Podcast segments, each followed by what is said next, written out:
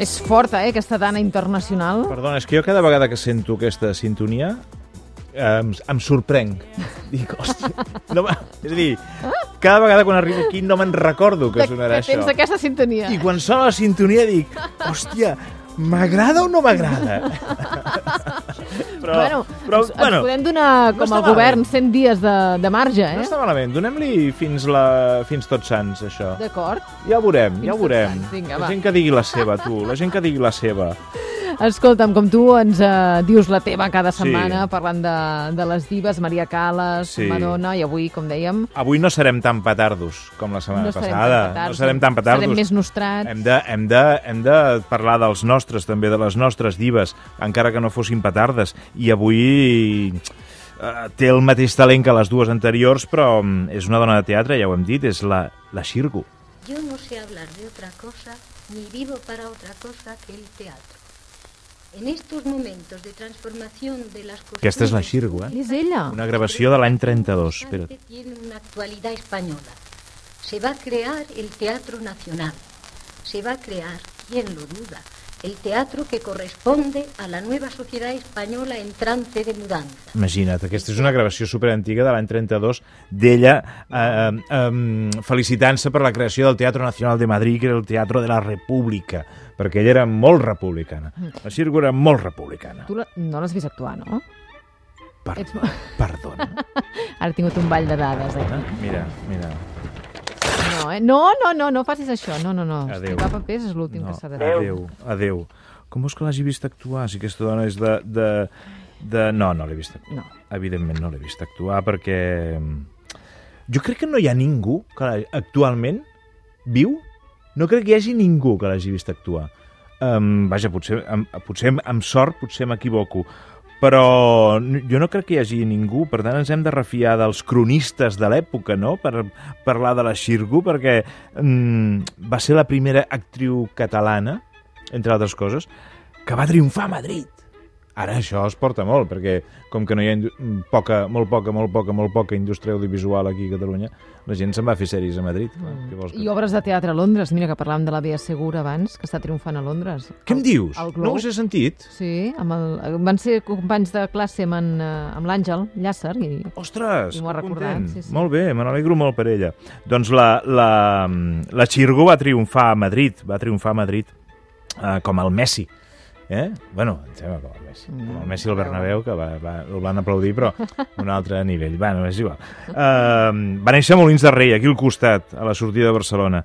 A Molins de Rei, amb una família molt, molt humil, molt obrera, molt, i molt defensora, molt, molt republicana i molt defensora de la cultura com a eix central de la societat. Això és importantíssim. I de ben jove ja va començar a trepitjar teatres fins que amb 18 anys la van fitxar, bueno, la van fitxar en aquella època no, et deurien contractar en aquella època, no, no deuria existir la paraula fitxatge. Uh, la van contractar per la companyia catalana del Teatre Romea de Barcelona i allà hi va anar a fer la Marta del Maricel. Oh, Sí, sí, la, del, la Maricel, l'obra del, de l'Àngel eh, eh, de l'Àngel Guimarà. No, vaja.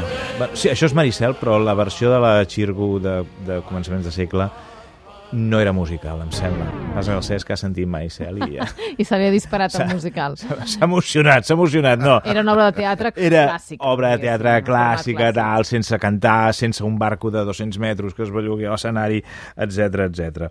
Uh, bueno, és igual, s'ha sentit Maricel i s'ha s'ha emocionat.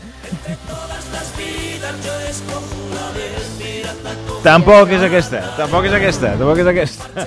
és igual, no hi ha, mira, no hi ha àudio d'aquella obra de teatre, no hi ha àudio, No. per tant, no, no, no, no, Ens no, la, l'imaginarem. no la busquem, no la busquem. Es passa 10 anys treballant per aquí i eh, ja es veu, en aquella època es feia, pel, pel, pel, pel, pel, pel to de veu que hem sentit abans de la Xirgo, la manera, podem deduir que la manera de fer teatre també era molt diferent, no?, eh, a la que es fa ara. Eh, la manera mm, com es deia, la manera com es feia. Eh, ara et surt una actriu eh, a l'escenari parlant amb aquella declamació que parlava el teatre de l'època de la Xirgo i segurament hi ha una lipotímia a la platea perquè era una mica dur. Era una manera de fer molt diferent a la d'ara. No he trobat cap fragment d'obra de teatre, però ja veuràs, eh, t'he portat una, una gravació d'un poema del Lorca, que després Oh. parlarem de la seva relació amb el Lorca, i és el llanto por Ignacio Sánchez Mejías, i ja vindràs a entendre què, què t'estic dient. Llanto por Ignacio Sánchez Mejías. Això ho diu normal, però mira, mira ara. La acogida y la muerte. Encara ara.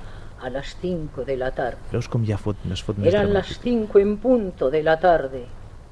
Un niño trajo la blanca sábana a las cinco de la tarde. Veus que ho diu com... Una espuerta de cal ya prevenida a las cinco de la tarde. Lo demás era muerte y solo muerte a las cinco de la tarde. Veus aquesta manera de parlar? Perquè quan diu llanto per Ignacio, ho diu com normal, però el que comença a declamar, no? A les 5 de la tarda. Que, que era- una manera molt fer de, de, molt, molt, molt, molt característica d'aquella època. T'he parlat de Lorca, van ser molt amics, molt amics, i escrivia coses expressament perquè les interpretés ella.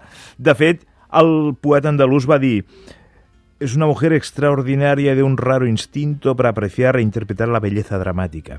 Va a buscarla con una generosidad inigualable, haciendo caso omiso a toda consideración que pudiéramos llamar de índole comercial. Quina manera més enrebaçada de dir que no es deixava Ara, comprar per ara, ningú. ara, eh? però clar, uh, s'havia de dir d'aquesta manera. La Xirgu era una feminista inconscient, diuen a les, les cròniques. Inconscient, Segons les persones que l'han estudiat, sí, perquè era molt valenta. ho era, no, no, no, perquè no era conscient perquè que no era conscient que, era- Ah. que estava fent feminisme o, o, o, o que estava, exacte, que estava fent feminisme, no? També va ser molt empresària, perquè als 23 anyets, 23 anyets, eh, això no ho ha fet ni l'Ostrell, eh? Als 23 anyets ja va fundar la seva pròpia companyia de teatre. Als 25 fa la seva primera gira per Sud-amèrica i als 26 debuta a Madrid. I aquí Va funcionar?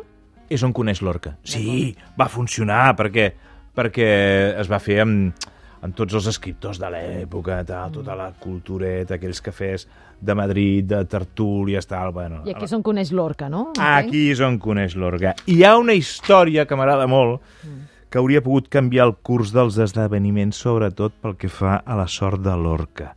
Al gener del 36 han d'agafar un vaixell, la Xirgu i el Lorca, i se n'han d'anar a Sud-amèrica a fer una gira. Abans els autors acompanyaven els, a les actrius i els actors a fer gires. Um, gener I 1936. què va passar? Doncs que al final, a l'hora d'embarcar, l'orca no va pujar al vaixell. Perquè diuen que tenia un amor molt potent que l'esperava a terra, o que el va retenir a terra. Un amor molt potent. Total, la Xirgo agafa el barco i se'n va a Sud-amèrica, el Lorca es queda aquí.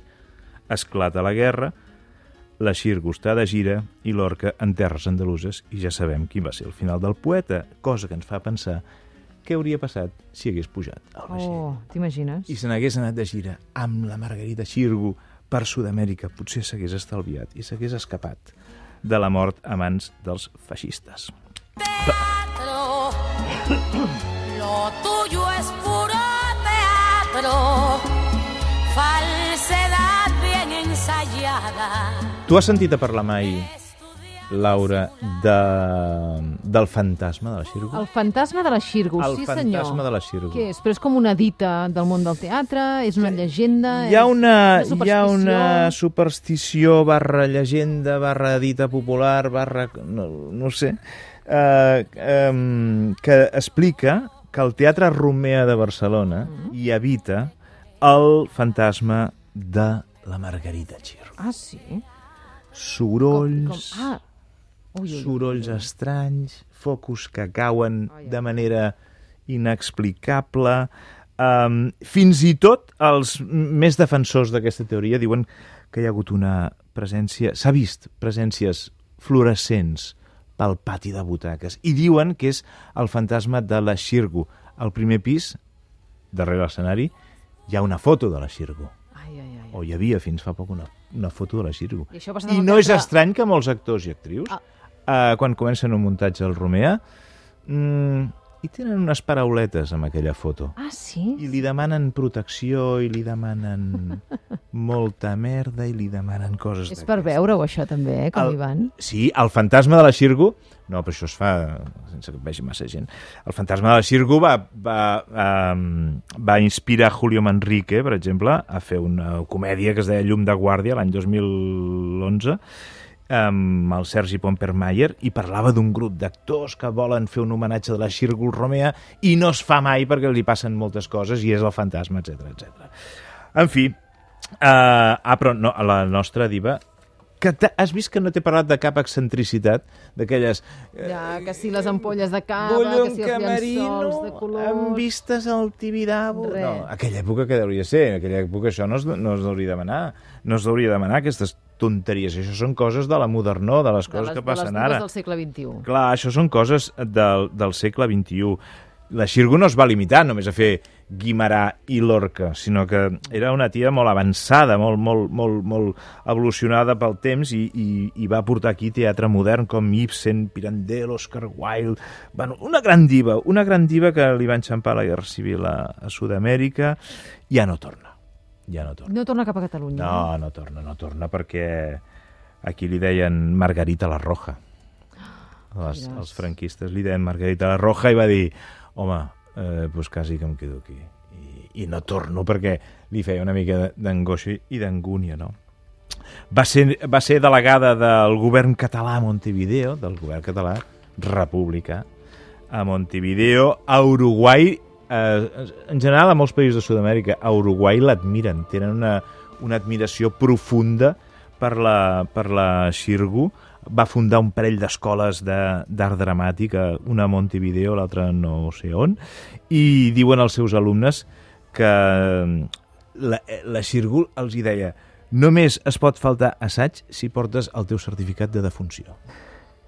Això, imagina't, quina, quina severitat, quina severitat. Que estricte. No, no, no tenia el... Bueno, clar, no ho sabem si hi havia glamour a aquella època. Jo crec que ni, no era el glamour No és el que tenim ara, potser la imatge que tenim ara del glamour, No, però, però sí, segura sí, que sí. sí que n'hi havia. I per part d'una dona, en eh, començaments del segle XX, és d'un valor extraordinari. I Encara tant. té més valor, no? Eh, perquè m'imagino, jo he vist fotografies d'aquella època de la Xirgo a Madrid, amb una tertúlia al cafè, no sé, allò que fan, el cafè i tal, i en tot d'escriptors de l'època, tot intel·lectuals, i l'única, evidentment, l'única dona. dona Ella. és ella, és ella. Llavors, Mhm. té un valor, té un valor, té un valor. I per això és una diva. I per això és una diva. Clar que si tu creus que al Parlament de Catalunya hi ha moltes dives, també. Mira, ho estava pensant, t'ho juro, venint cap aquí dic, Sí? mira, al Parlament de Catalunya hi ha bastantes dives, també. Sí, Ai, ai, sí, ai, sí, ai, sí, ai, sí, sí,